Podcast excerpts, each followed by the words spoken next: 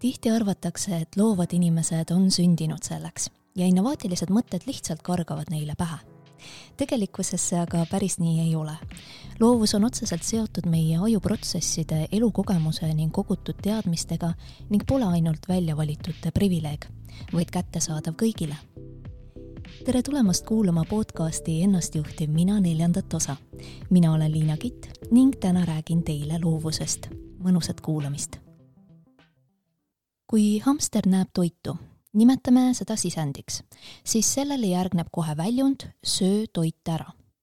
inimestena töötame iseenesest samal printsiibil, kuid kuna tänu evolutsioonile on meie ajus niinimetatud sisendi ja väljundi osa üksteisest kaugenenud, siis meil on võimalus oma instinkte ignoreerida. näiteks oleme võimelised andma toidule teistsuguse väärtuse. me võime toidus näha kunsti, kasutada seda maalimisvahendina või hoopis relvana. me võime enda ajus luua seoseid ja ühendusi ning seeläbi näha lõputul hulgal uusi võimalusi. see ongi loovuse alus.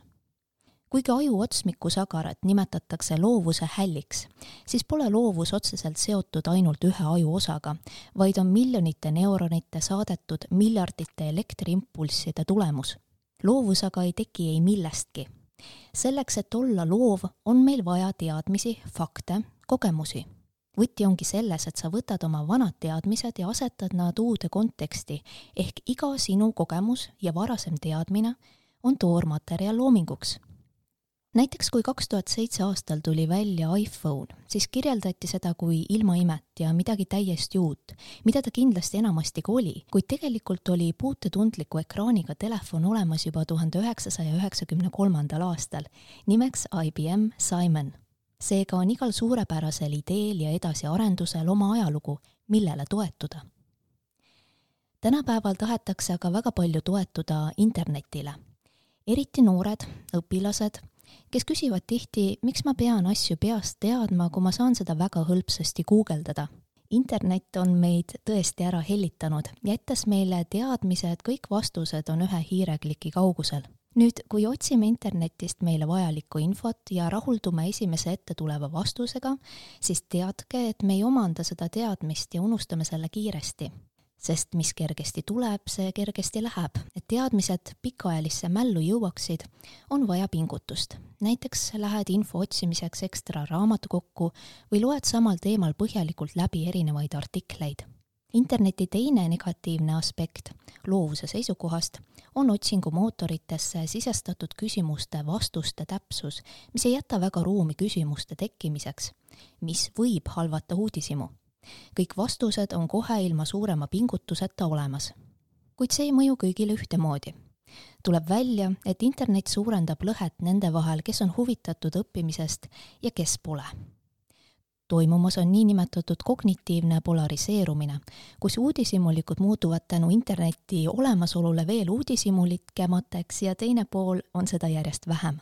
sihtasutuse Kaiser ameeriklaste meediatarbimise uuringu järgi mm, veedavad lapsed kümme tundi päevas, olles erinevates nutiseadmetes, mis on viiskümmend protsenti rohkem kui aastal tuhat üheksasada üheksakümmend üheksa enamuse ajast ei tegeleta aga hariduslike tegevuste, vaid meelelahutustega kui me aga pole enam uudishimulikud ja vaatame ainult kassivideoid, siis me ka enam ei õpi. mida vähem on teadmisi meie peas, seda väiksem on tõenäosus ka loovuseks ehk innovatsiooniks. seda nii meie enda elus kui ka ühiskonnas laiemalt, sest innovaatilised ja loovad inimesed on tihti väga laia teadmiste pagasiga. võtame näiteks Steve Jobsi, kellel oli sügav huvi nii idamaade filosoofia, Bauhaus kunstikooli, ärinduse kui ka luule vastu kõik need teadmised kulmineerusid Apple innovaatiliste projektide ja eduga. interneti võlude ja valudega jagelevad ka täiskasvanud, aga siia juurde tuleb veel üks aspekt. kuna aju tarbib kakskümmend protsenti meie igapäevasest energiast, siis valib ta võimalusel alati lihtsama tee. seepärast teeme asju tavapäraselt, noh, nii nagu ikka mõtleme samu mõtteid ja saame oma peas tekkinud küsimustele kõige lihtsamad ja loogilisemad vastused mida kauem me elame, seda tõenäolisemalt võtame omaks mõtteviisi, et ah, ma tean juba kõike. seega olemasolevaid teadmisi ja käitumismustreid ei seata enam kahtluse alla. tegemist on aga tihti võlts enesekindlusega, mis ei tee muud, kui muudab meid lihtsalt intellektuaalselt laisaks, ehk me pole ümbruse suhtes enam uudishimulikud ja seeläbi oleme ka vähem loovad. oluline on aga mõista, et loovus on kättesaadav absoluutselt kõigile. Me kõik oleme loovad, lihtsalt erinevates valdkondades ja erineval määral. Kuigi meie loomingut mõjutab nii geneetika, õnneks ainult kakskümmend kaks protsenti, bioloogia, aga ka kultuur, kus üles kasvame, näitavad teaduskatsed, et kõrge IQ ei anna meile mingit niinimetatud loovuse garantiid, jumal tänatud. Samuti pole loovus seotud ainult kunsti ja laiemalt kultuurivaldkonnaga, vaid kõigega, mida teeme. Loovus loomingu valdkonnas ja teaduses on täpselt samasugune kognitiivne protsess. sealjuures kõik, mis me loome, on ainukordne, sest meil kõigil on erinev elukogemus. et olla loominguline, peaksime elama täiel rinnal ja tulema välja oma mugavustsoonist, õppima uusi oskusi, lugema, reisima, minema teist teed pidi tööle, tegelema mõttetööga ja võimalikult palju puhkama, sest sageli leiame vastused oma probleemidele just puhkehetkel. Samuti peame julgema olla valed see tähendab aga ka edenemismõtteviisi praktiseerimist, mis rõhutab, et me saame kõiki oma oskusi ja teadmisi edasi arendada ning seda ükskõik millises vanuses, kui me vaid oleme valmis selle nimel pingutama. vead ja läbikukkumised on sealjuures hädavajalikud, sest need on meie õppetunnid, tänu millele muutume iga korraga järjest paremaks ja kogenumaks. nagu te kuulda saite, siis loovus ei sünni tühja koha pealt vaid on esmapilgul täiesti erinevate ideede kokkusobitamine. samuti saite teada, et nii loomingulisus kui ka mitteloomingulisus pole sünnipärane, vaid õpitud oskus.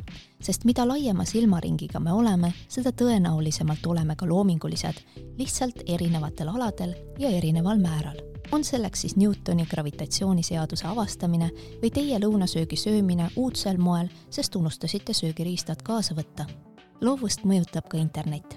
kuigi see pakub suurepäraseid võimalusi enda arendamiseks, siis uuringutest selgub, et ainult suurendab lõhet nende inimeste vahel, kes juba on uudishimulikud ja õpihimulised ning kes seda pole.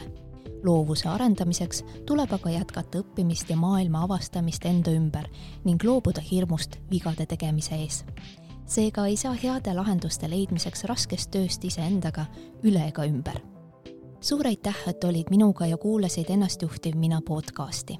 materjalid, mida selle osa loomiseks kasutasin, leiad episoodi kirjeldusest. loovus oli selle õppeaasta viimane teema. järgnevaid podcaste saate kuulata alates septembrist, kus jätkan erinevate teemadega, mis aitavad teil järjest enam saada iseenda ekspertideks seniks aga arukat ajukasutust ja mõnusat puhkuste aega. kohtume uuel õppeaastal